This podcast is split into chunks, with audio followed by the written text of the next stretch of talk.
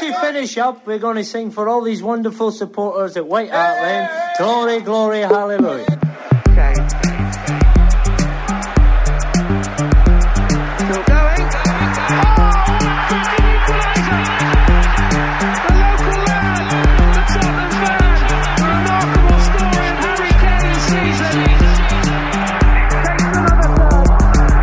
Hi, I'm Loki and you're listening to the Golden Cockerel podcast.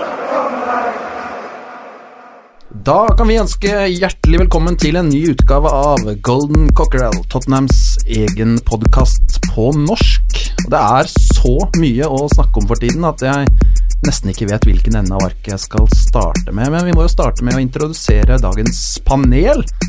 Espen Veen.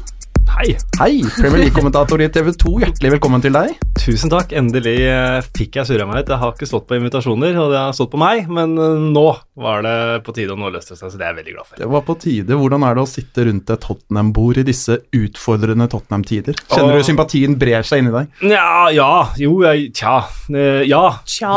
Ja, men altså, jeg har jo Jeg har bodd fire år i Sunderland, og de vaser rundt nede i league one og taper, og er som, Søn, og er som Tottenham, da. Taper når de skal, eller ikke skal, og de kommer til finaler og taper på overtid og alt mulig sånt. noe, Så, så ja, ja, jeg kjenner sympatien, men samtidig så er det sånn Ja, det er, det er litt høyere i ligasystemet. Eh, Og så har jeg veldig mange gode venner som er eh, veldig Tottenham-supportere, så jeg er veldig vant til eh, Tottenham-prat. Ja, men det er bra utgangspunkt. En veldig stor velkomst også til Gunhild Tollnes. Takk for det. Førstedame i Eurosport Norge, må vi vel kunne si.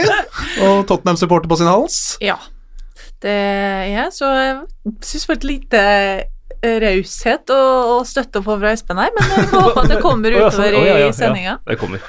Du er mye på farten, Gunhild, og dekker uh, Eliteserien i vårt Ja. eh, langstrakte land. Blir det mye smugtitting på mobilen uh, for å holde deg oppdatert på Tottenhams kamper når du selv er ute og dekker Eliteserien? Det er faktisk ekstremt mye, og det er ikke bra, fordi plutselig skjer det noe ute på banen som man ikke får med seg. Men det som er gøy, er at trenerne og de som sitter på benken, kommer også bort og sier 'Hva er stillinga? Hva er stillinga?' og vi har jo eh, Alexander Melgalvis i Lillestrøm. Ja, Tottenham-fan her nå.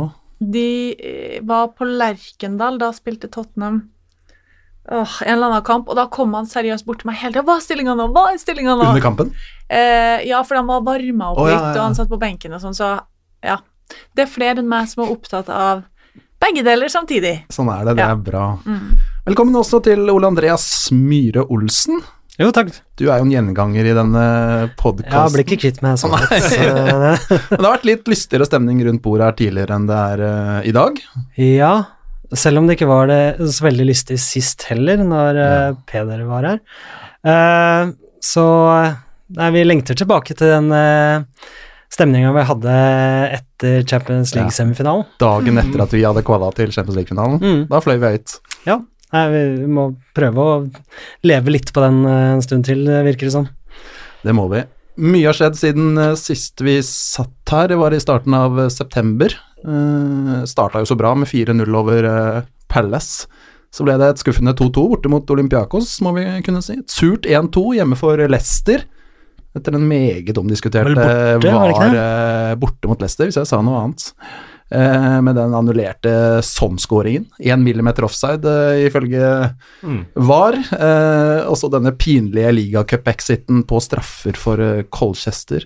2-1 over så 15 ble det, det var bra. Så, men 2-7 hjemme for Bayern München i Champions League, og sist et meget begredelig 0-3-tap borte for Brighton. Vi kan starte med deg, Espen. Du er jo den av oss som kanskje har de mest objektive og nøytrale brillene når det gjelder Spurs. Hvordan vurderer du situasjonen for Tottenham per nå? Nei, Først og fremst når du legger frem på den måten der, så må jeg si at det, det er litt mer sympati. Jeg har litt mer sympati enn jeg ga uttrykk for. Ja, det er bra, det går i riktig retning. Ja, ja, ja. ja. Han kjenner Um, presset nå, vet du. Ja, gjør det. gjør det. Men søndagen trenger en ny manager, så portatina er veldig velkommen. Hei, hei, hei, hei, hei. Men nei, det Jeg så bare bruddstykker egentlig av den Brighton-kampen, for da var jeg, var jeg på Anfield. Hadde en av de turene over som man får. Men jeg trodde, trodde liksom ikke det jeg så.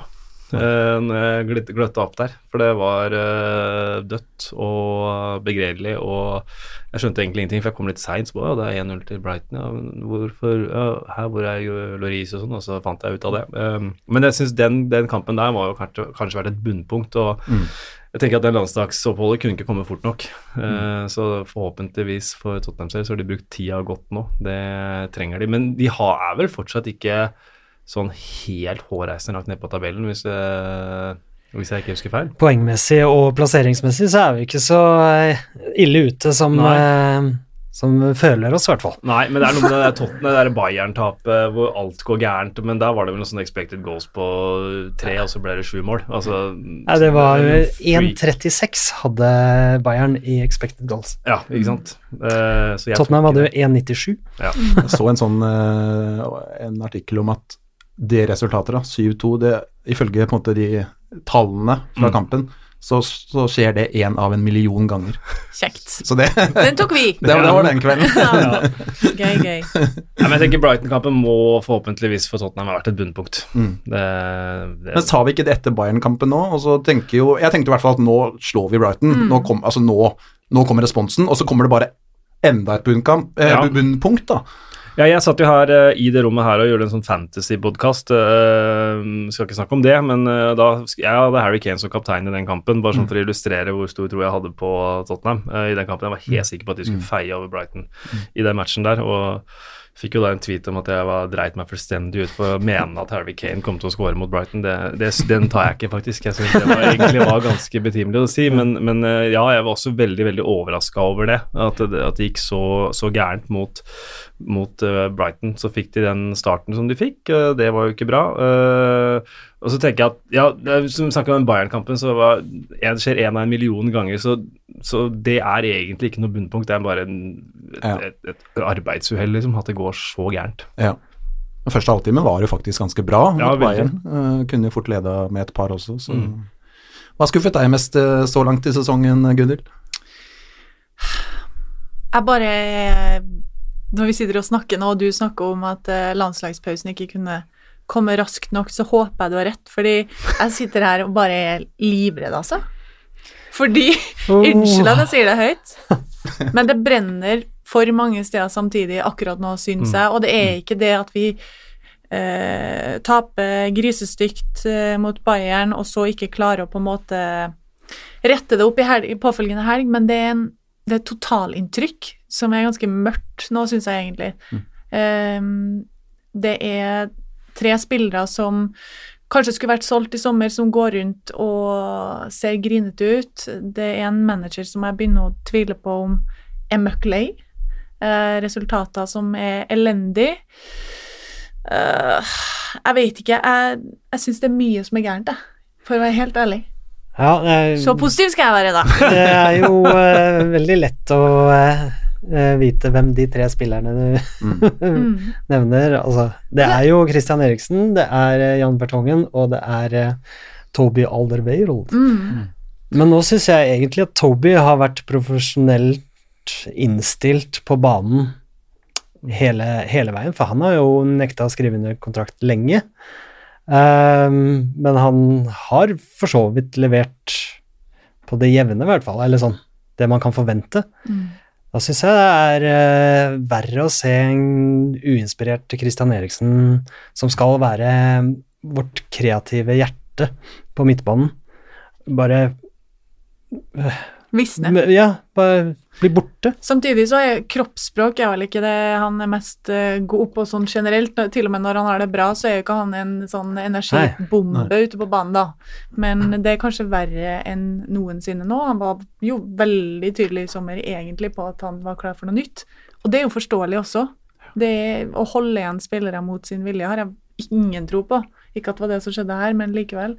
Jeg syns du, du har veldig godt poeng med kroppsspråket til Christian Eriksen. Og det er klart, når det går dårlig, så begynner man å lese mer inn i det enn det Mm. kanskje er og sånn. Fordi selv om han fløy rundt og skåra 10-15 mål i Premier League og slo assist i blinde og sånn, så, så var det jo ikke noen voldsom eh, kassa fram eh, og smil og latter og glis hele veien. Han er jo en, en sånn type spiller ja. som er nedpå. Mm. Så, men det er klart, når det butter, så, så ser man jo Forsterkes jo alt det der. Eh, og jeg er helt enig med med det resonnementet om, om Toby også. Han, er, det, ikke- det, er ikke, det er ikke to år siden han eh, ble satt ut av Pochettino, eller et par sesonger siden, ikke forrige sesong, men sesongen før der, så var han jo, spilte han nesten ikke i Premier League, han var litt skada og sånn også, men kom jo tilbake Ja. eh, og har vært, og vært god. og jeg har jo vært gjennom en landslagshelg nå hvor jeg har kommentert eh, både rask og rusk og gode spillere.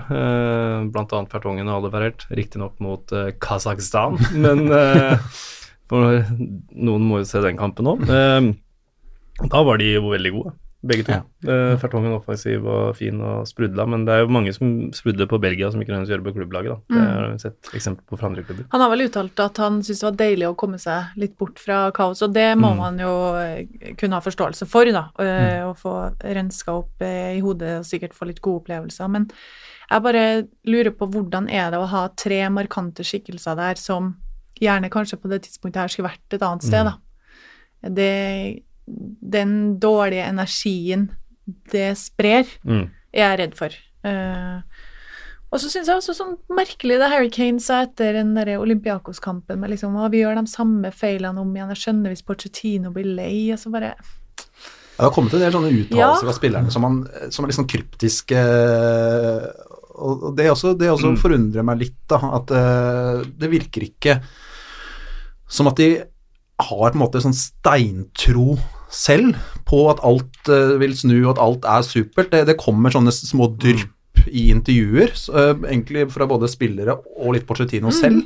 Eh, Pochettino føler jeg har vært veldig humørsyk egentlig hele sommer og på høsten, og men så plutselig var han kjempeblid igjen, og så Så det, det er litt sånn eh, Man lurer på litt hva som egentlig skjer, men hvis vi går litt tilbake til Eriksen, nå, nå så jeg at han eh, Tottenham ville visst tilby han var det 230 tu- 000 pund i uka eh, plutselig nå, da, det var vel eh, bare et par dager siden, og gjør han til best betalte spilleren sammen med eh, Kane. Er det, er det riktig at Tottenham var liksom desperat nå jakte danskens signatur?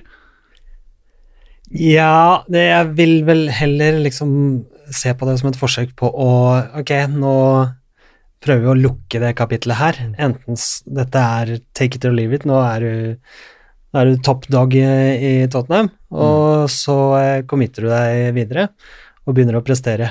Eller så blir du droppa framover. Så jeg tror jo ikke han starter mot Watford til helga. Jeg tror ikke det. Nei. Nei. Ja, for jeg også tenker jo det at uh, altså, hvis han nå ikke skriver under, da, så, så jeg ser jo gjerne at han nå bare egentlig blir plassert omtrent på tribunen. Uh, hadde han prestert og levert, så kunne jeg levd egentlig ganske greit med at han var på utgående, men når han har vært så svak og egentlig virket så uinteressert, så tenker jeg at da, da får han heller bare sitte på rad 38 altså, og, og, og støve ned til sommeren. Og så får de heller satse på de som ønsker å være der. Jeg vet ikke hva dere tenker om det. Det er jo kanskje litt kontroversielt å ville dytte han helt ut, men eh, Ja, i hvert fall, i hvert fall en, en så, så god fotballspiller som det, det Christian Eriksen er. Men det, det, jo, du havner jo i en skvis der. Jeg tenker at hvis han øh, skriver en ny kontrakt, da, så er det jo, ligner det litt på den situasjonen David Hea har vært i i Manchester United, og så skrev han til slutt under den kontrakten. Selv om han har jo aldri sagt at han vil noe annet sted, men han har heller aldri utelukka det. Det er vel egentlig det Christian Eriksen sa også, at han sa at kanskje er det på tide med noe nytt, men hvis jeg blir, så er det fint, det også. Og så, så er det som supporter, så er det selvfølgelig tungt å høre, men det er, sånn er fotballen. øh, Kanskje ikke bare blitt, men sånn har den vært veldig lenge. Jeg tenker jo at Tottenham har kanskje den ene spilleren som er tilnærmet verdensklasse i nå, som antageligvis kommer til å spille for den klubben øh, så lenge den klubben vil ha han i Harry Kane. Eh, Jeg kan ikke se for meg at han kommer til å dra noe sted, med mindre det går ordentlig på tverke. Så jeg, jeg, hvis jeg hadde vært Tottenham-supporter, så hadde jeg vært veldig fornøyd hvis Christian Eriksen skrev en ny kontrakt. Eh, samtidig så er jo det problemet det at ok, setter han ut, og så prøver å sette han inn igjen for å redde matchene, og så går ikke det. Og så, det, det er den vinglinga som sikkert er veldig frustrerende, vil jeg tro. da, at uh, man For det starta jo veldig mye sånn med at uh, nei, Eriksen kommer inn hos Aston Villa. Ja. Ja. gjør det veldig bra. Hvorfor starter han ikke? Mm. Og så uh, starter han, og så går det ikke så veldig bra, og så bare han vekk. Det er, Ja, ja, ja. er veldig lett eh, Så vi, pipa Vinden snur veldig fort, da. Det Det er jo vanskelig å liksom eh, komme opp med noe Det er veldig lett å peke på feil og ikke komme med de riktige løsningene. Mm. Det er det, men jeg tenker jo det beste nå vil jo, sånn som jeg ser det, altså med mindre han, at alt snur rom for hans del, at han skriver under og begynner å levere, må jo være at han blir solgt i januar, og at de får en eh, sum for han, heller enn at han sitter ut sesongen og eh, For det ting er jo Han er jo neppe fornøyd selv heller. Uh, han virker jo ikke spesielt happy, og det kan man jo sikkert se litt på prestasjoner òg. så uh, Og jeg syns jo altså den prislappen som ble satt på han i sommer eh, Nå skal man ikke ta alt, alt i avisene for god fisk, men altså den virket jo helt hinsides. At, altså så mye penger for en som hadde ett år igjen. Så kanskje kan det nå bli litt mer sånn edruelig sum som de kan på en måte faktisk få, da. Og som en klubb kan tenke at ok, eh, vi, vi kan vente til sommeren nå, men da blir det sikkert et uh, rotterace om han, så hente han nå i januar for 15-20 mil eller et eller annet. Altså det, kanskje Ja, 25-30 jeg så sist. var det det som ble Ja. snakket også? Ja, det har vært litt forskjellig. Ja. Men uh, ja. Uh, nå var det vel også det at uh, de tre klubbene han kanskje kunne tenke seg å gå til, eh, hadde andre prioriteringer. Mm. Um, Hvilke er det, bortsett fra Real Madrid og Barcelona? Juventus eh, Ja. var det siste. Ja. Men de har jo en eh, lønnsliste som er eh, enorm, så de må jo kvitte seg med noen først. Juventus, ja. ja, ja. Og de har jo midtbanespillere for til å stille fire lag i serien. Så jeg tror ikke det, Og dessuten, de elsker jo gratisspillere, så de vil sikkert sitte på gjerdet eh, og hente sånn som de gjorde med Ramsey, det tenker jeg. Men det er jo en klubb i Manchester som helt sikkert vil betale både 30 og 40 millioner pund for Christian Eriksen på et halvt år igjen, det skal du ikke lure på. Oss. Og så er det jo en eh, Daniel eh, som sitter på toppen av Tottenham, som eh, ikke har så veldig lyst til å snakke med Manchester. eh, Ikke sant? så Det skjønner jeg godt. Eh, men hva var det en milliard de skulle ha for den i sommer, eller? Ja, det var, noe, det var noe sånt. Det var Eden Hazard-penger, liksom? Ja, for Ja. en som har ett år igjen, og det er klart, det skjønner jeg at ingen eh, blar opp. Ja. Eh, så jeg tenker jo at det hadde vært mer fornuftig å legge seg på en langt lavere pris da og få solgt ham, men, men det skjedde jo, skjedde jo ikke. Men eh, vi kan jo ta et spørsmål vi har fått eh, på Twitter fra Thomas Edvardsen. Eh, det handler litt om Eriksen, men også om et par andre spillere som vi allerede har nevnt navnet på, som sikkert blir nevnt flere ganger her. Han spør vil høre deres mening om Eriksen, Toby og Jan. Er det ikke bare å benke dem, jobbe mot salg i januar og gå videre? Ingen av de har vært spesielt gode den sesongen. Sanchez, Foyt og Lo Celso etter hvert kan fint erstatte dem, i alle fall slik de spiller nå. Og Så følger han opp med en tweet til. En av Pochettinos styrker tidlig i Tottenham-karrieren var at man skulle være 100% med på prosjektet, hvis ikke røyk man. Tror han er tjent med å ta opp den tråden nå. Ingen spillere er større enn klubben, og disse tre, altså Eriksen, Jan og Toby, kan faktisk erstattes både internt, på kort sikt og i fremtid. Ja, jeg Det tenker jeg er eh, et veldig forståelig resonnement. Men eh, hvis du ser på de spillerne Pochettino har solgt, så er det vel egentlig bare Kyle Walker som fortsatt ville vært virkelig top dog i det laget på det tidspunktet det så. Gylfi Sigurdsson muligens. Ellers er det Jonas Kabul og Kevin Wimmer og sånn. Det er jo for en genistrek å få 20 millioner pund for han. Det tror jeg ikke Tottenham-fansen setter nok pris på. Kapo, hvor mye viktig for Kapo? ja, det var under 8-9 millioner. Og han har jo vært god etterpå, er- var faktisk. Eh, så jeg, jeg skjønner det, men jeg tror det var lettere for Pochettino å kvitte seg med de spillerne jeg nevner nå. Du kan, det er bare å gå inn og se på hvilken, hvilke spillere de har solgt. Så sitter det nok mye lenger inne å kvitte seg med disse her. Men, men det er jo et prosjekt som har gått over lang tid. Uh, og du var litt inne på det, så nå endrer jeg fokuset igjen, sorry. Men, Nei, men- eh, nei, men helt altså, faretegnene kom jo allerede i føler jeg, sommeren når Kieran Chipper dro. Og begynte å snakke om at det var ting han ikke ville snakke om når han dro. mm. Eh, og så kan man tenke at ok, det her er en forsmådd bekk som har blitt eh, solgt og alt mulig sånt noe, men styrken til Tottenham har jo vært den lojaliteten alle har hatt til Pochettino og til prosjektet, og man har blitt et år etter år etter år, selv om man ikke vinner disse berømte eller fordømte trofeene, alt ettersom hvordan man ser det. Eh, men når, eh, når det begynner å lekke litt sånn ut av, av spillere som fortsatt ville gjort en god jobb på, på førstelaget, som drar, så tenker jeg at det var Og så var det vel Pochettino som ikke gikk ut av huset en uke etter Champions League-finalen, og den greia han hadde før eh, sommeren hvor han sa han bare Ikke kall meg manager, jeg er coach. Eh, så det har vært litt sånn murring ganske lenge. Da. da. Det er klart, alle de tingene vi snakker om nå, det forsterkes jo bare Forsterker inntrykket av de mistankene man kanskje fikk da. Eh, men jeg er nok også enig i at det, uh, de har uh, Nå må jo Lo Celso og Cézinho som blir friske først, da. eh, og klare til å spille. Men Det er akkurat det, og jeg tenker sånn her og nå, det å sette vekk tre så sterke spillere og bare si liksom vi tar det vi har på benken, sånn funker nei, det det ikke. gjør ikke det, altså.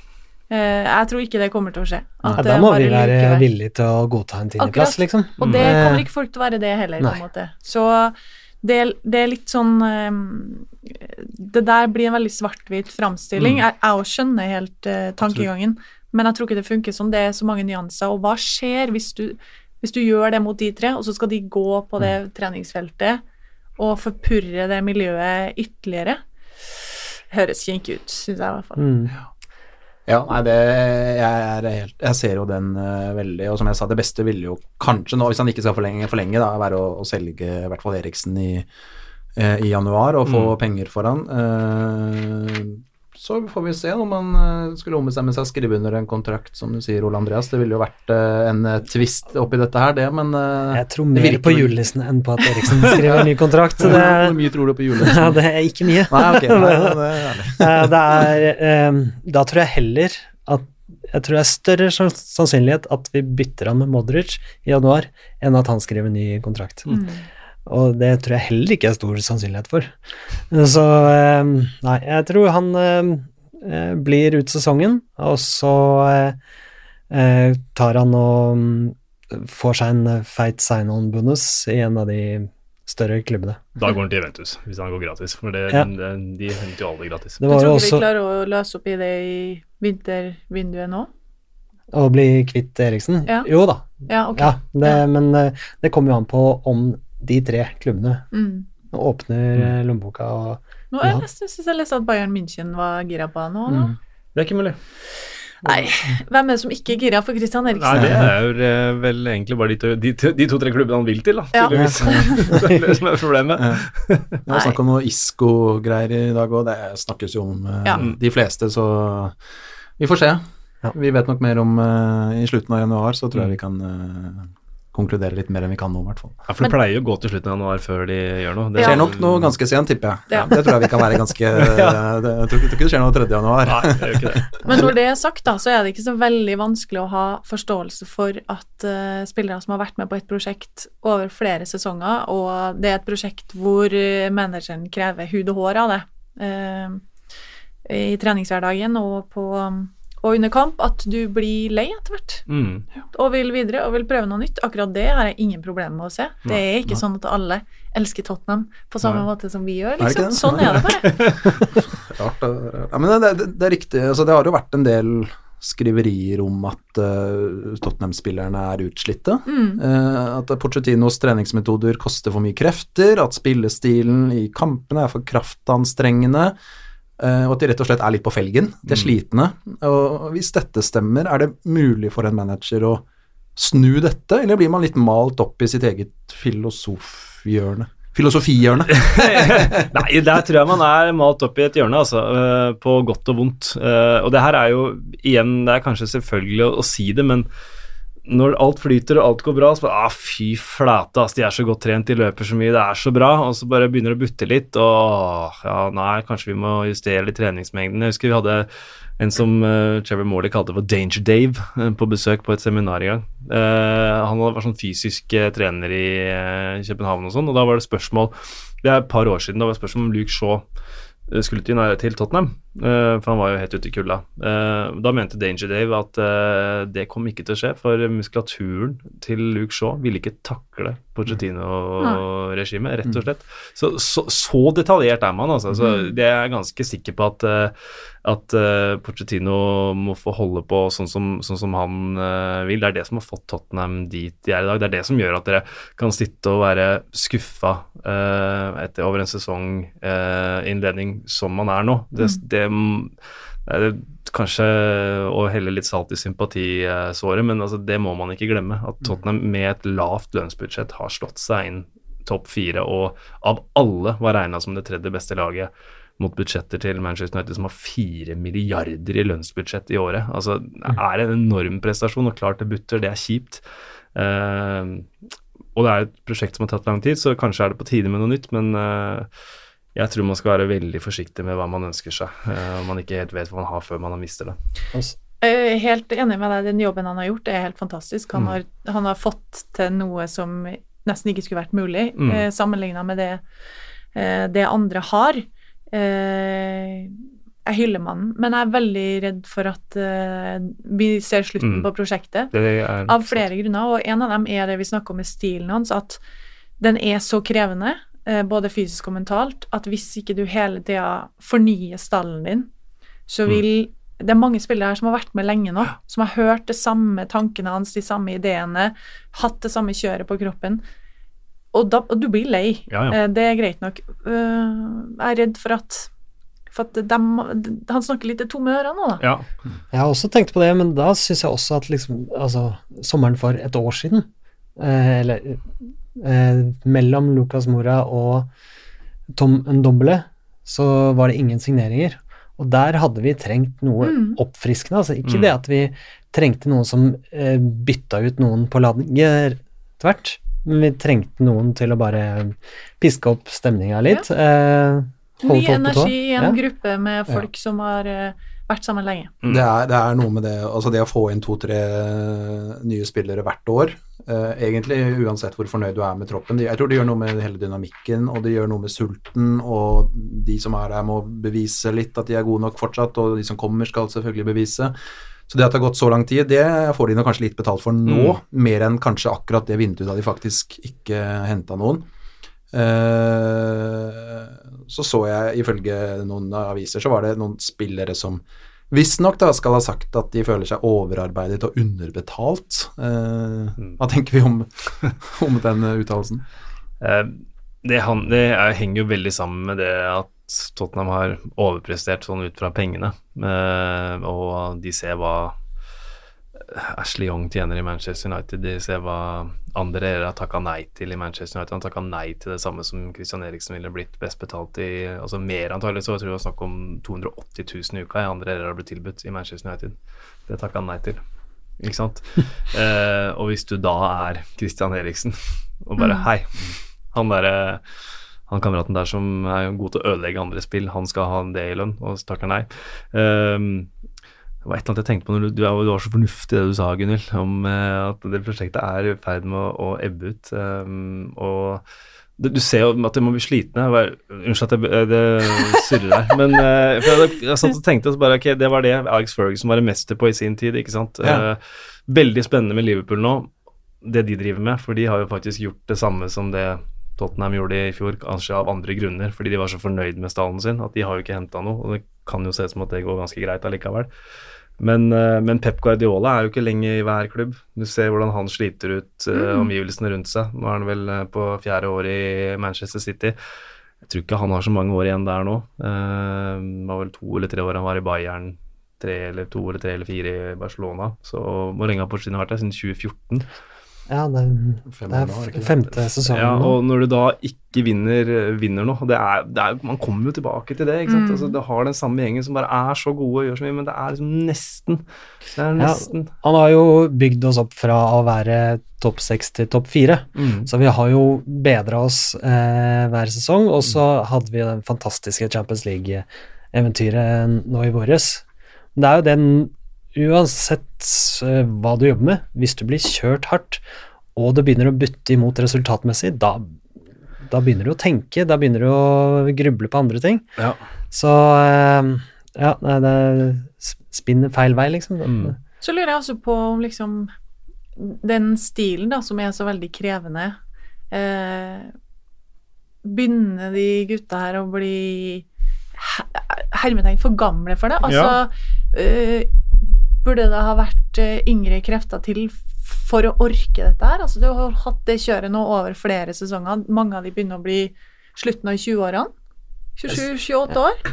Jeg så en, eh, en sånn eh, statistikk, en oversikt over snittalderen til de ulike lagene i Premier League, og det var ganske interessant, fordi For en tre-fire år siden så hadde vel Tottenham en snittalder på 23 år ca. Og så har på en måte den snittalderen bare steget med ett år for hvert år, da. Og det er jo fordi det er stort sett samme gjengen som er her, så nå, nå var den vel rundt 27 og et, og et halvt år, tror jeg.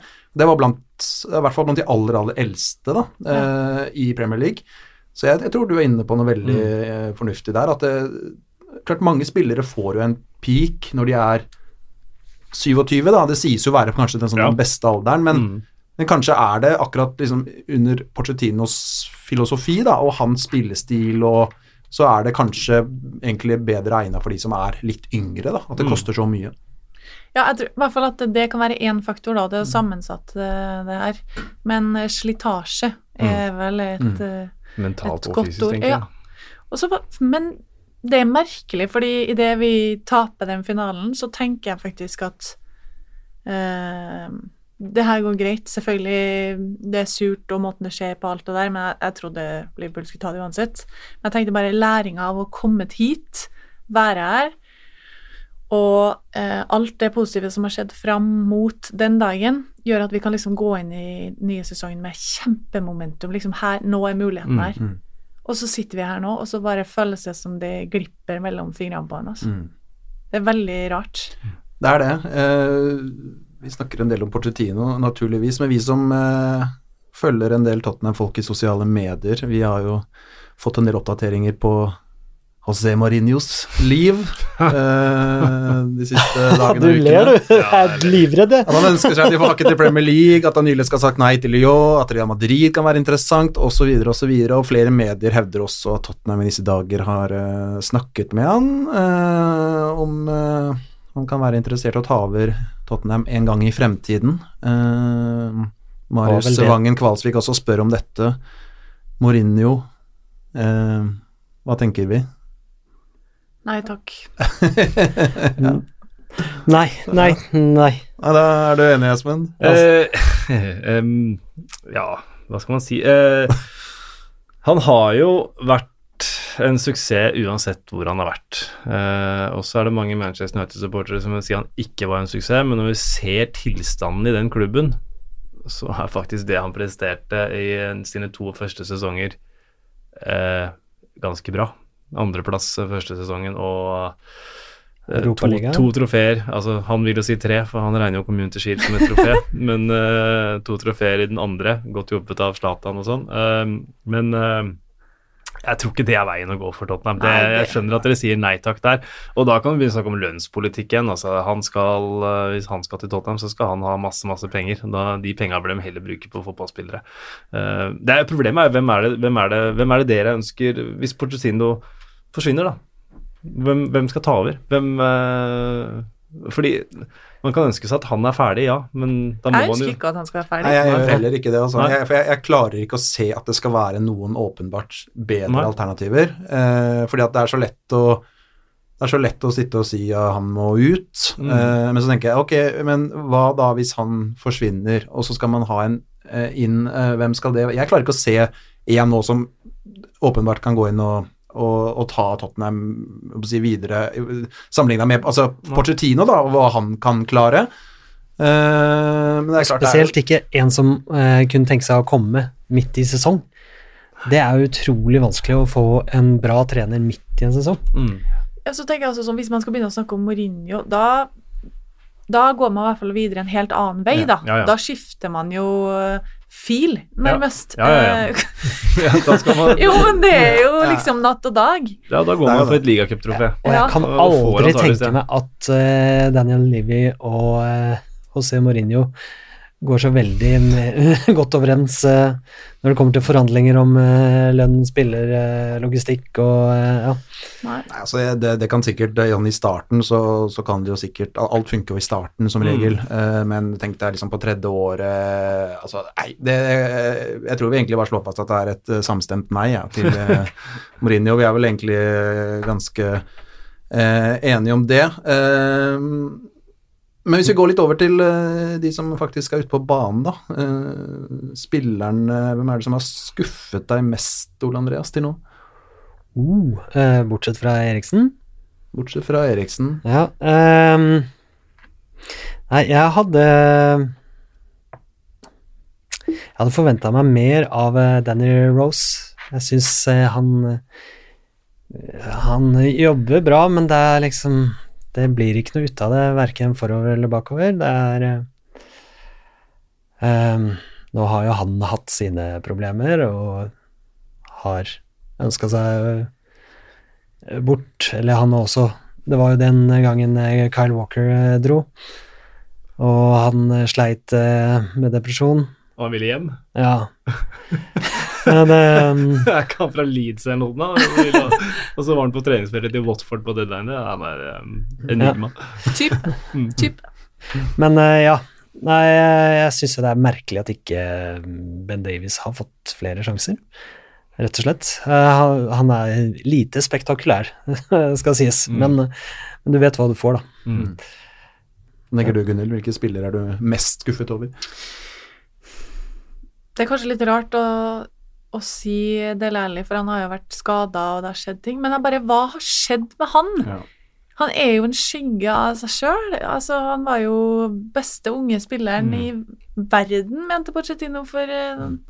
noen år siden, liksom. Det, og så fikk han en skade i, i januar, eller hva det var, og så var han ute en stund, og så har det vært litt fram og tilbake, og det er sikkert har mye å gjøre med at han ikke spiller like framskutt i banen lenger og Mm. sånne type ting, men hvor er han hen? Ja, jeg, jeg, jeg er helt enig med deg. Jeg, jeg, satt, jeg tenker på to Eriksen og Ellie, er de to jeg er mest skuffet over. Ja. Og det med Ellie er jo eh, Jeg tror det der er veldig sammensatt. Jeg, jeg føler han Det er liksom rart å si at han spiller Men altså, han, han, han, han, han er en spiller som spiller på veldig små marginer, eh, føler jeg. Og så føler jeg han overpresterte lite grann ganske lenge, egentlig. Eh, og så, når han da får den skaden, spiller litt ut av posisjon, liksom litt dypere og sånt noe. Det er en del sånne små faktorer som gjør at Mm. Og når han først på en måte ikke er i form, så, så blir det fort veldig dårlig, da. Eh, det, er, det er en spiller som er veldig enten-eller. Mm. Eh, men jeg, jeg hadde jo trodd at han nå egentlig skulle få et langt større løft enn det han har fått i høst, når han endelig fikk spilt noen kamper og, og trent skikkelig. Uh, han, for- den skaden hans har vel vært litt sånn tilbakevendende også. Altså det er, Absolutt, og han- det skal man ta med i regnestykket, Mm. definitivt, for det går jo også utover eh, relasjoner, f.eks. linker til de andre og sånne type ting, og du må få komme inn i ting. Ehm, Du så at han ville noe da mot Colchester. det, selv om det ikke var så veldig mye han fikk til. Eh, det var det jo ingen som gjorde. Så jo Eric Dyer på, før straffekonkurranten og bare That was embarrassing. Det var, eh, det var, var det leppeleserne mente han sa, i Ja. hvert fall. Før straffekonken, ja. Ja, før straffekonken. Mm. Det er to. Så um, Nei, han skulle han vel kutte ut eh, var det sponsoroppdrag eller sosiale medier eller alt det han seg eh, eh, Er det noe eh, egen kokk, eller i hvert fall noe Ja. sånn eh, næringsekspert for å få et bedre opplegg. Men jeg vil jo gjerne snu litt på spørsmålet, da. Hvem er det som har imponert denne ja, vi, kan jo, vi kan jo ta den nå. For eh, jeg sliter litt Ja, øh, har vi noen? Espen, er det noen du jeg- tenker egentlig har levert ganske ålreit? Eh, Hyung-Min Son syns jeg Ja. er en super fotballspiller. Eh, og har jo båret veldig mye av det offensive, syns jeg. Så han syns jeg har fortsatt å prestere på Jeg, jeg ble aldri Altså sånn Han er en sånn spiller som Ja, han er dødsgod, han har vist det over lang tid, men jeg ble allikevel imponert over det han driver med. At eh, Er han så god? Ja, han er så god, men er han så god? Ja, ja men er han så altså, Han er en sånn type spiller, da. Eh, så, så han syns jeg har uh, levert uh, varene. Det er vel kanskje det eneste. Og så har vel uh, Dombelé kommet brukbart i gang også, selv om det ikke har vært breathtaking, kanskje, men uh, skårer jo mål. Det var jo ikke det han ble henta for.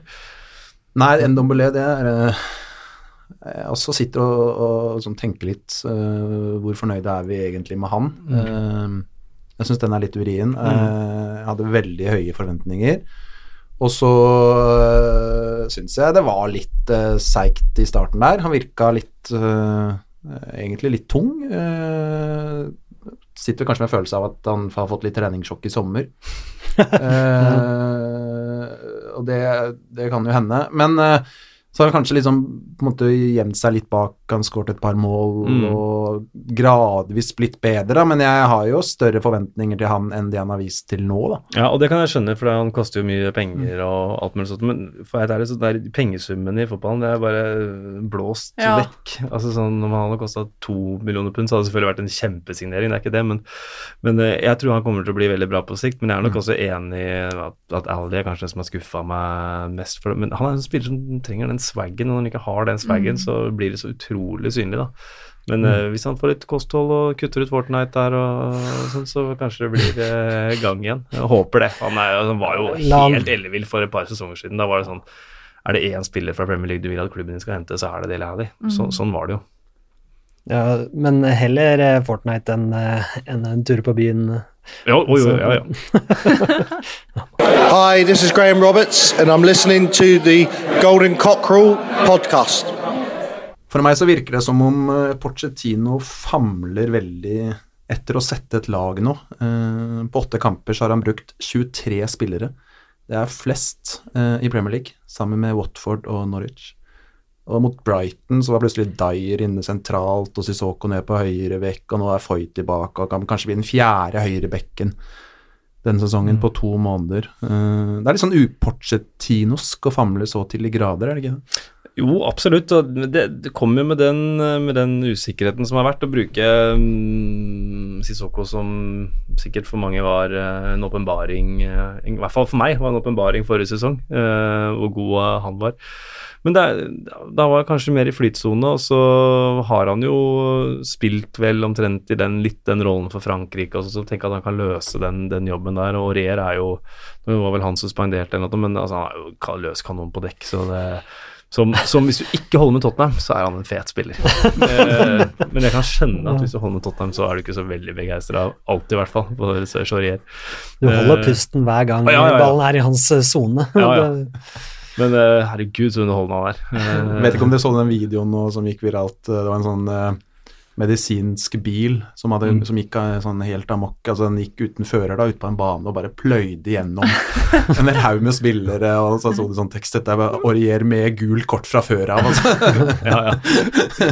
ja, den var fet når han ble utvist, og du, du ser bare alle vel bare Åh, Hvorfor gjør du det her, liksom? Det er ikke noen protester eller noen ting. Ehm, nei, det, men det er jo klart når det er skadeproblemer, og du har den situasjonen med de tre spillerne som vi har snakka behørig om, så, så er det jo vanskelig å sette den elveren nå, for han vil jo kanskje egentlig ikke bruke dem. I hvert fall ikke alle på en gang, og, og så er du nødt til å bruke dem, og så klarer du ikke helt, og så stemmer det ikke, og så må du begynne å bytte. Um, så det er, det er den onde spiralen man kommer i da, når, det, når det ikke går, går bra. Men man er, jeg tror man alltid er tjent med å ha en elver. Jeg ser på, ser på topplagene. Det, de har jo mer eller mindre faste elvere. Leicester har det. Uh, de er jo topplag. Så Crystal Palace er jo topplag. de har også mer eller mindre faste elver. Og det er det Tottenham hadde. eh, Men da når de var så gode, så drev de og bytta mellom tre og fire bak helt sømløst. det med Alt fløyt. ja. og selvfølgelig om det koster å komme tilbake dit, men for å komme tilbake dit, så tror jeg også man eh, må bestemme seg litt, og så må en elver få prøve seg. Jeg husker jeg snakket med en, eh, en trener, han var eh, trener på et bra nivå noen år siden, og da snakket vi litt om det der når laget ditt sliter, altså hva skal du gjøre, og det var egentlig ganske interessant, fordi altså det, det høres jo helt elementært ut, men, men det han sa var at altså, når du virkelig sliter, altså bruk de elleve beste spillerne fra start, gå tilbake til basic, altså ikke vær så kreativ, eh, ikke, ikke prøv for mye, Altså, hvem er mine elleve beste spillere? Sett de i sine beste posisjoner, og start litt sånn på scratch, da. Mm. Og det er egentlig, altså det er jo logisk og enkelt, men egentlig også veldig fornuftig. Og kanskje er det det altså Nå har det vært mye eksperimentering. Mm. Vært en del spillere litt sånn ute av posisjon. Og det er det jeg håper kanskje nå mot Watford på lørdag, at, han, som, at vi får se de elleve beste i sine beste posisjoner. Altså så enkelt som det enn høres ut, at, at man går litt tilbake til det der eh, enkle. da. Mm. Og det er jo et godt eh, argument, men så tenker jeg at de som eh, sliter og velger å gjøre endringer, vil jo kanskje også si at ja, ok, det her er mine elleve beste menn, men de har vært ræva. De har jo ikke spilt bra. liksom, hvis De har ikke prestert på trening. Hvorfor skal du ikke bytte da igjen, på en måte? Eh, så det, akkurat den der balansen der, men når endrer du? Når blir det for mye endringer? Når går du med dine mest betrodde? det er jo dritvanskelig. Mm. Det er det. Vi var inne på høyreback-posisjonen. Hva tenker dere at Pochettino bør gjøre? Hvem bør spille? Det er mange som kan spille der, men hvem er Foyt. beste alternativet? Du tenker det? Ja, jeg så han fra, for Argentina mot uh, Tyskland. Mm. Og da, eh, da, så, da tenkte jeg han starter mot Watford. Det uh, Han klarte seg fint der, eh, egentlig. Han var vel litt involvert i den første baklengsen, hvis jeg ikke husker feil. Kommenterte du den, Espen? Nei, da satt jeg For den ene kampen du ikke kommenterte? Ja, jeg forberedte meg til Kosovo og Gibraltar, ja. så den kommenterte jeg ikke. Ja, kanskje det han burde få, men altså, det er jo gøy med han òg, da. Han løs kanon på dekk, han også. Uh, mot Bournemouth der i fjor. Det var, eh, det var skikkelig god natt og gøy for de som ikke holder med Tottenham. Men uh, jeg tror kanskje det du har rett i det, altså. At det er han som I hvert fall ikke Sissoko. Det må droppe, tenker jeg. Det er siste utvei. Altså, først og fremst fordi jeg mener han bør spille på midten. Fordi Det han, er, han er så viktig for den midtbanen der. De mister jo så mye, selv om han er jo for så vidt en, en god høyrebekk òg, så mister de så mye på midten ved å ta ham Mm. vekk derfra. Uh, Ja, det er jo det du er inne på med, med de elleve beste spillerne i de beste posisjonene. Ja, ja det, det er litt den Så, tanken der, at ja. sett han tilbake der han er best. Ja. Uh, Så, så det går jo litt under det. Uh, du nevnte Foyt, eh, Ole Andreas. Eh, jeg er jo litt sånn Jeg er ikke sånn superfan av sånne stoppere som dyttes ut på bekk, egentlig. Jeg føler det blir litt sånn at de De har liksom ikke den naturlige offensive Det off, naturlige offensive genet i seg. De, de blir ofte litt sånn stående, stående bekk, og litt usikker på om Foyt er god nok offensivt. Så har du kanskje Sanchez eh, friskt Ja, i minne som blant annet. Det, Eh, det var ikke vellykka.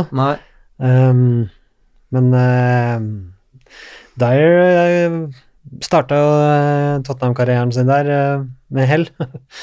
Eh, men og jeg, det som er med Foyt, er at han, han har også offensiv eh, eh, kvaliteter som, eh, som kommer til sin rett.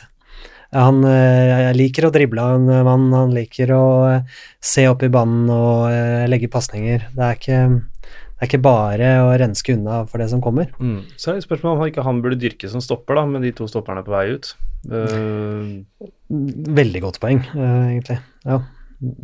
Men kanskje nå er det veldig kortsiktig tenkning Ja. hos meg. Ja, ja, ja. Det er eh, Kan vel være det kommer et høyrevektkjøp eh, til i januar. Det har jo vært snakket om det. Eh, og så var det vel snakk om eh, Walker Peters ute på lån nå, så jeg. Ja. Eh, syns kanskje det er litt synd. Jeg har litt troen på han, jeg, da. Men eh, det var Palace som ble nevnt. Eh, jeg håper jo de kvitter seg med Aurier før de kvitter seg med For Jeg kan jeg kan skjønne det.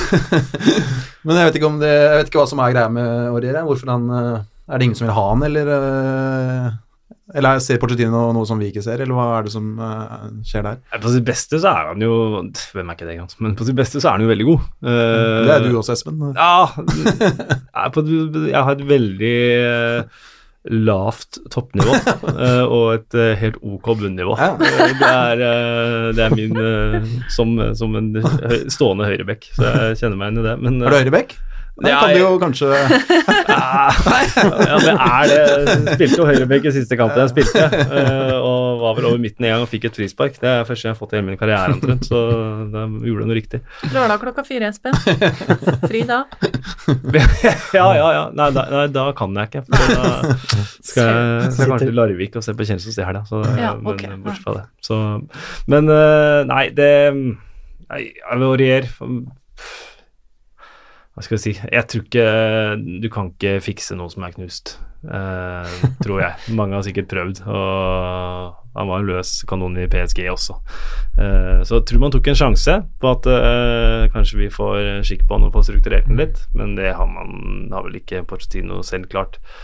Eh, men det er jo, du har jo flere sånne redemption stories. da Sissoko var ganske avskrevet, han også, fram til forrige sesong. Så vi vil ikke avskrive han helt ennå, for kvaliteten er der, eh, tenker jeg. Han var jo strålende mot Palace, da. Det skal ikke lenger tilbake enn Nei. den kampen. Nei, ikke sant? Målgivende, og jeg spilte egentlig en veldig god kamp, så han har jo han har jo noe. Han var god bort eh, Leicester borte også. Ja.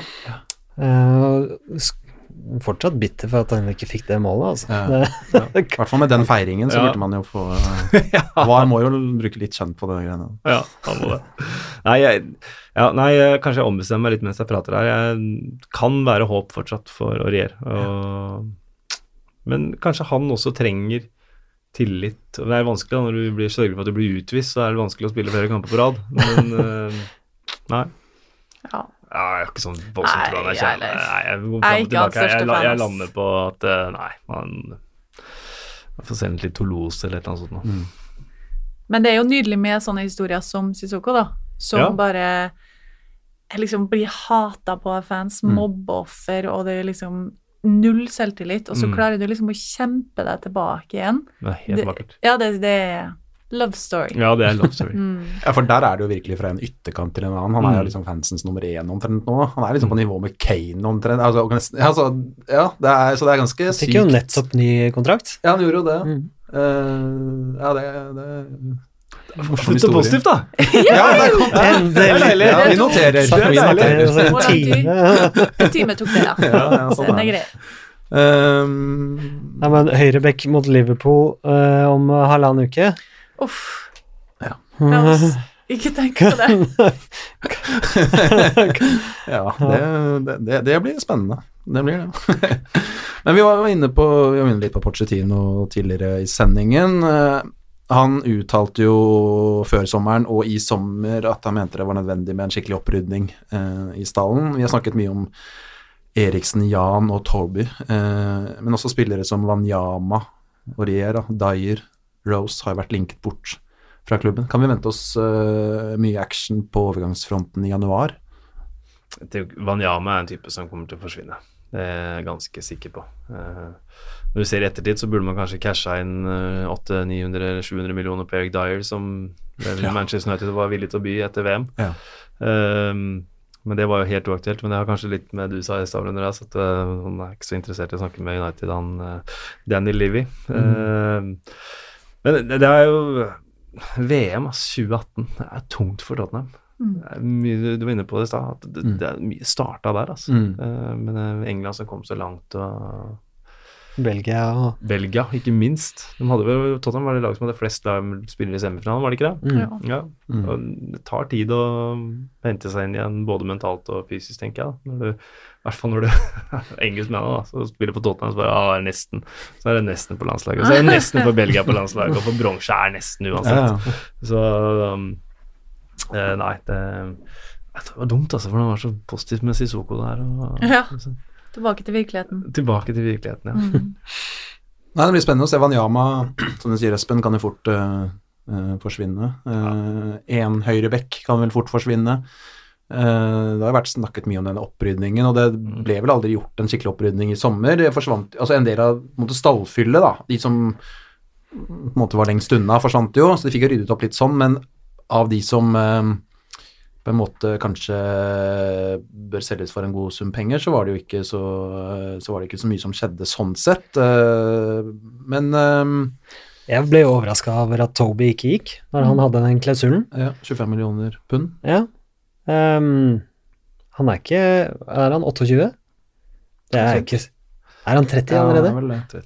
Jeg trodde det var uh, Fertongen, ja. ja uansett, da. Det er ikke Det er ganske billig sum for en såpass habil stopper, Ja. syns jeg. Eh, men Så jeg var jo egentlig veldig fornøyd jeg, når eh, den klausulen gikk ut, og var, Ja, da kan vi Mm.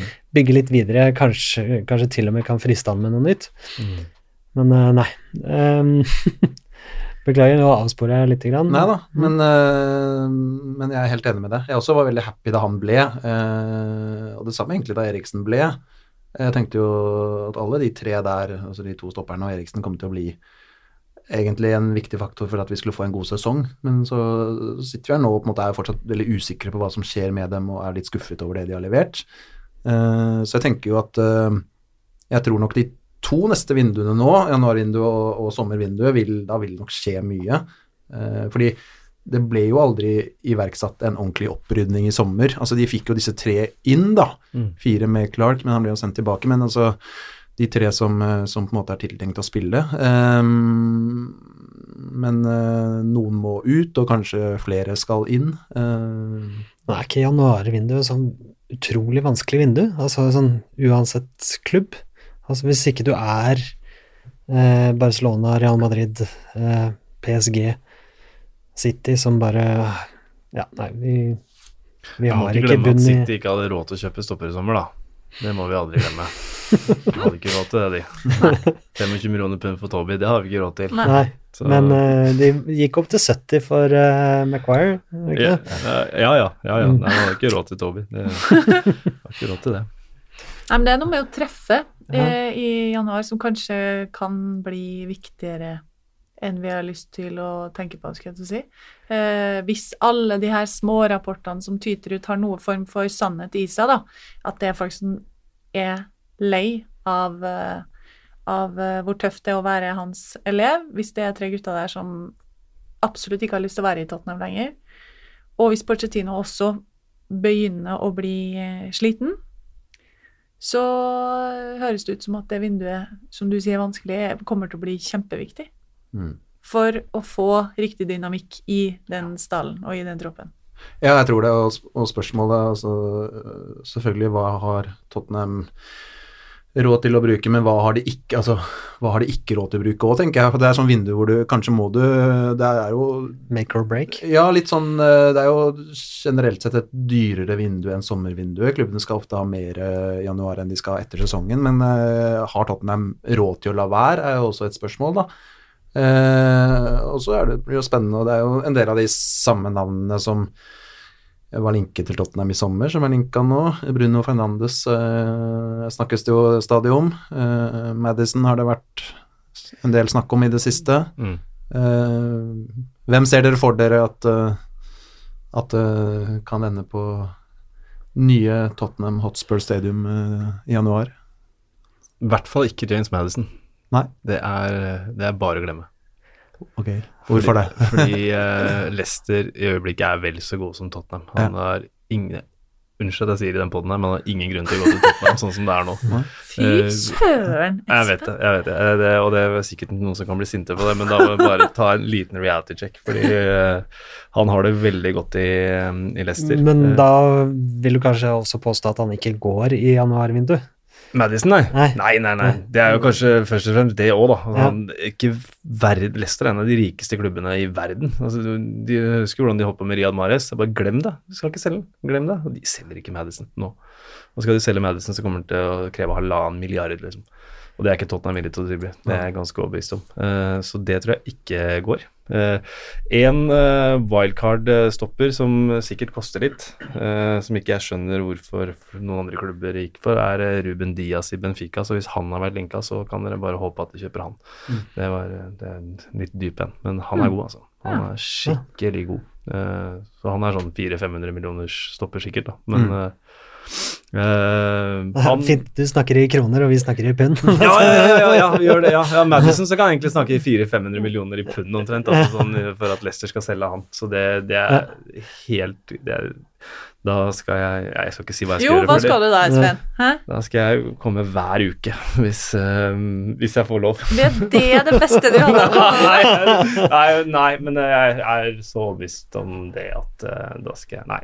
Da skal du Har du forslag, Gunnhild? Dere har jo ganske mye av sånt i eh, på det. Tatovering er ute av eh, ut av Tatovering er ikke greit. Tottenham i hjertet på Nei, det går ikke. For jeg har ikke noe, eh, noe Nei, men da skal jeg ta meg Da skal jeg ta meg en tur eh, på egen regning til Tottenham Hospital Stadium, selv om jeg ikke holder med Tottenham, hvis de kjøper Madison i januar. For en grusom straff. Ja, ja nei, Den kommer til å svi. nei, ok. Bruno Fernandes er nok eh, Det er mer nærliggende. Ja, men så er det jo eh, Han spiller for Porto. Altså, de, eh, de spiller jo i Europa og skal jo komme seg videre, de også, så det er liksom De kommer nok til å kreve sitt.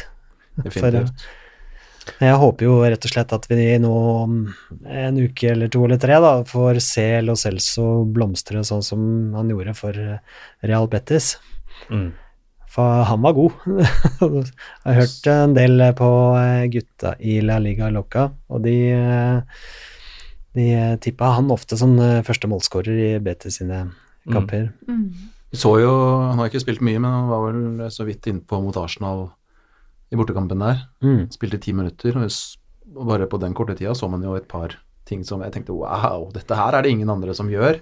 Eh, så vi får håpe han, eh, håpe han kan komme på, på beina på banen snart, så kan det sikkert bli bra. Det blir jo bokstavelig talt som å få en ny spiller, da. Ja. Bruno Fernandes er jo en, en eh, spiller nå Jeg tror han er i sporting, eller jeg er sikker Ja, på det, men det- eh, det spiller jo ikke så stor rolle, for han kommer til å koste like mye uansett om han er i Porto eller sporting. Men han er jo en, uh, en spiller som er veldig trigger-happy. Det var vel en av grunnene til at Manchester United visstnok ikke kjøpte han, for han skøyt for mye. Så så kan man se på det de driver med, da, så kanskje det er Ja. greit å kjøpe han likevel. Uh, når du har et lag som har en rolle med en tier som ikke har en tiere. Men eh, Ehm, han vil jo han, Det var snakk om 700-800 millioner i sommer, eh, så hvis Eriksen selges, så vet ikke om Tottenham kommer til å tilby sånne summer. Jeg tror ikke det, altså. Tror ikke jeg heller. NWE var vel var det 650, og det føler jeg var litt sånn i grenseland eh, Ja. på hva de Det syns jeg var mye for å være Tottenham, da. Mm. Uh, Lo Celso er jo noe sånn der. Det er jo lån med klausuler og hva, er, eh, hva er den eh, klausulen på? Er det hvis de kommer til Champions League? Ja, Hvis vi Så altså- kvalifiserer for Champions League neste så år, så er de det det, så- obligatorisk kjøp. Ja, da er det obligatorisk. Hvis de ikke Ja, gjør det, så det, så er det, uh, da er det opsjon på kjøp. ja, ok, så han, han kommer Så- uansett neste år, da. Ja, det er Altså, vi blir jo selvfølgelig topp fire, men, men jeg, spør for en venn. Ja, det er, det er vel 40 millioner pund, eh, som er, var ganske høy leiesum, Ja.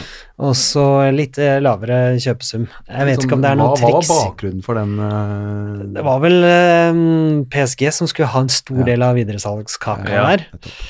Eh, og så Litt sånn ja, det er, triksing og Dette er jeg som spekulerer, da, Ja. på bakgrunn av rykter jeg har lest.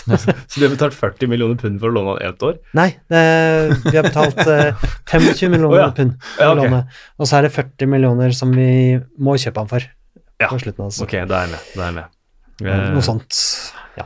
Jeg tenker, jeg tenker, ja, Unnskyld. Gunn. Nei, nei, jeg, jeg bare tok meg sjøl i å ha en positiv tanke. Ja, Nei, Oi!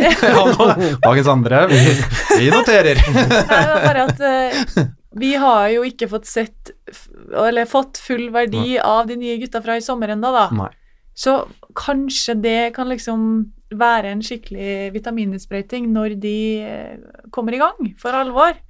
Og, og kommer inn og pusher resten. Det er noe med det òg, sant? Ja, jeg, Så nei, nå, nå fikk jeg troa på ja, men så bra. Det er jo det er så fint. Vi må bare alt, alt som har noe positivt, bare hiv dere frem på i stolen her. Men jeg, jeg er helt enig, Gunnhild, og jeg har tenkt det samme selv at uh, altså det å få dem inn nå uh, vil jo, tror jeg, gi dem et kjempeløft. Uh, og så er det en ting til, da, som, eh, som jeg også har tenkt på, eh, og det er at eh, en Premier League-sesong er lang. Mm, Eh, man blir, eh, det er mange slitne bein i april-mai. Disse her kommer inn i november og vil jo mest sannsynlig eh, stå sesongen veldig bra.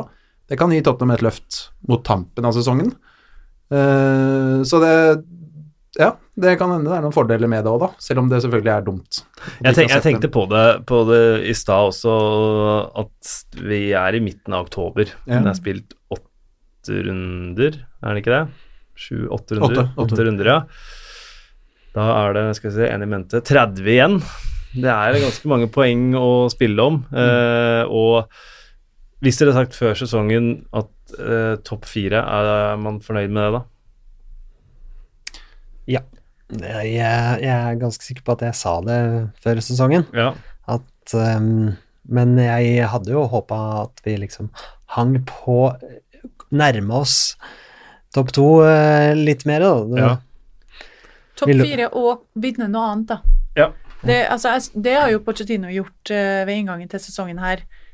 Uh, loud and clear skal jeg til å si sagt at ambisjonen er vi skal stå igjen med en tittel, samme om det er ligagull eller Champions League eller hva fader det er for noe. Men nå skal vi vinne noe. Det er der lista ligger.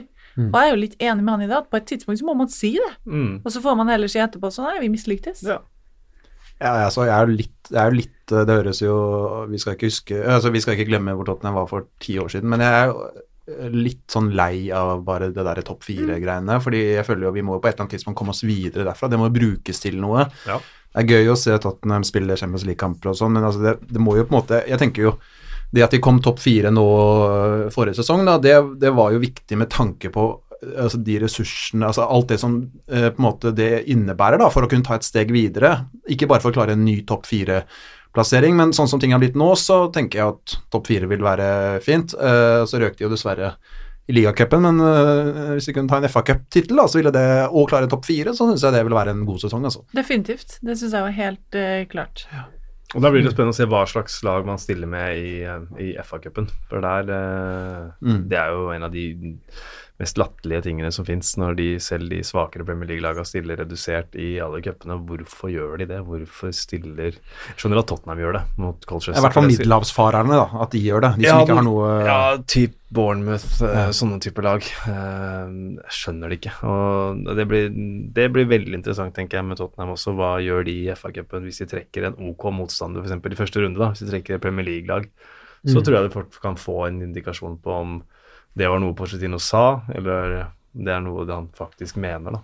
Eh, ja, jeg fikk litt det er jo det i januar. mm. Eh, Det er lenge til januar. tredje runde, er det ikke da vi kommer inn i cupen? ja, på nyåret. da. Lenge til januar. Så kanskje han er ja. borte allerede.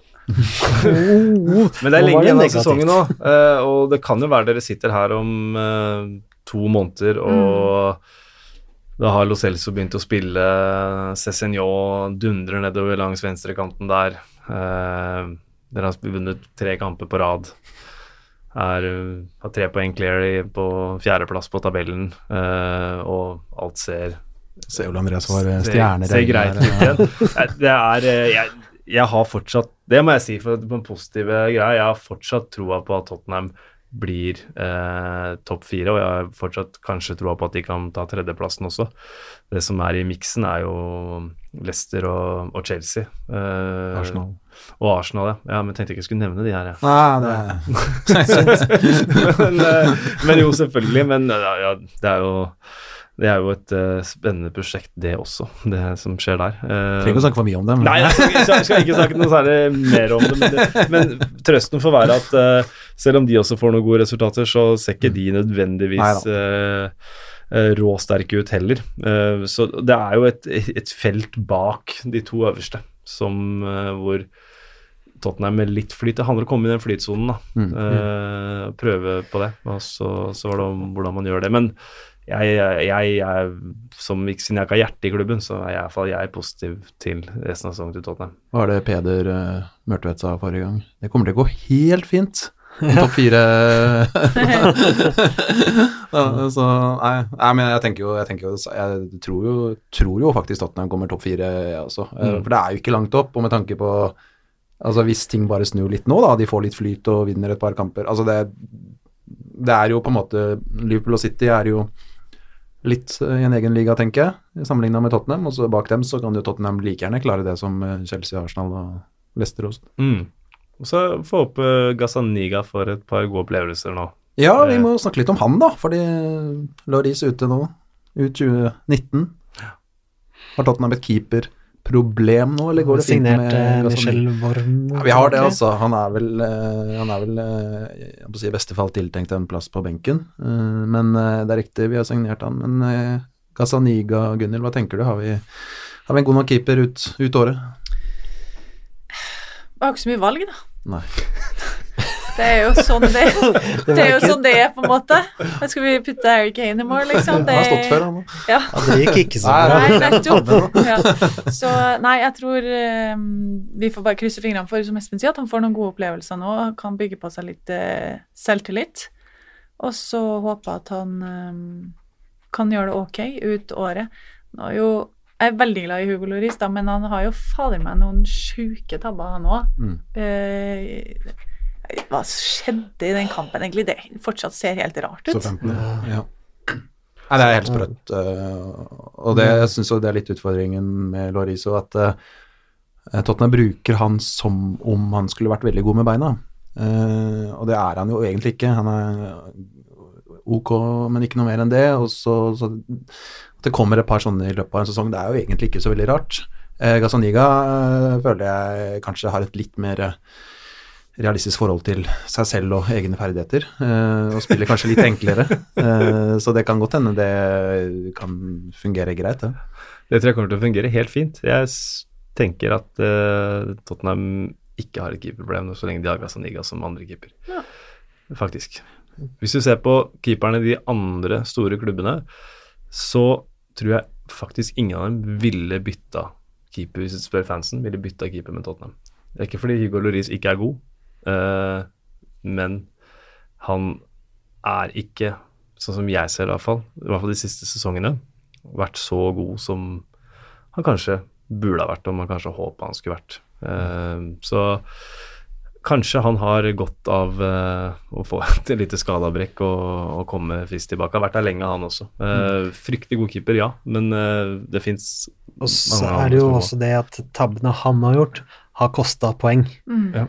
Det er Alle keepere gjør tabber. Um, så Alison i fjor mot eh, Leicester prøvde å drible ute på kanten av egen 16-meter, altså det gikk jo ikke, men det spilte jo ingen stor rolle, eh, fordi eh, Liverpool vant allikevel. Um, når Louise har gjort tabbene sine, så har liksom Nei. Der gikk det ett eller to poeng. Mm. Jeg syns uh, Gazaniga, da han spilte en del forrige sesong, synes jeg han var fantastisk god. Det synes jeg også. Eh, det var nesten sånn at jeg satt og tenkte at oi, kanskje bør han spille mer, eh, da Loris kom tilbake også. Det, var, det er egentlig første gang med Loris der at jeg Altså mens han har vært i klubben at jeg har tenkt Nå kan det hende at, uh, at det er litt konkurranse. Han hadde jo første kampen mot eh, Palace eh, forrige sesong, hvor vi vant. Ja.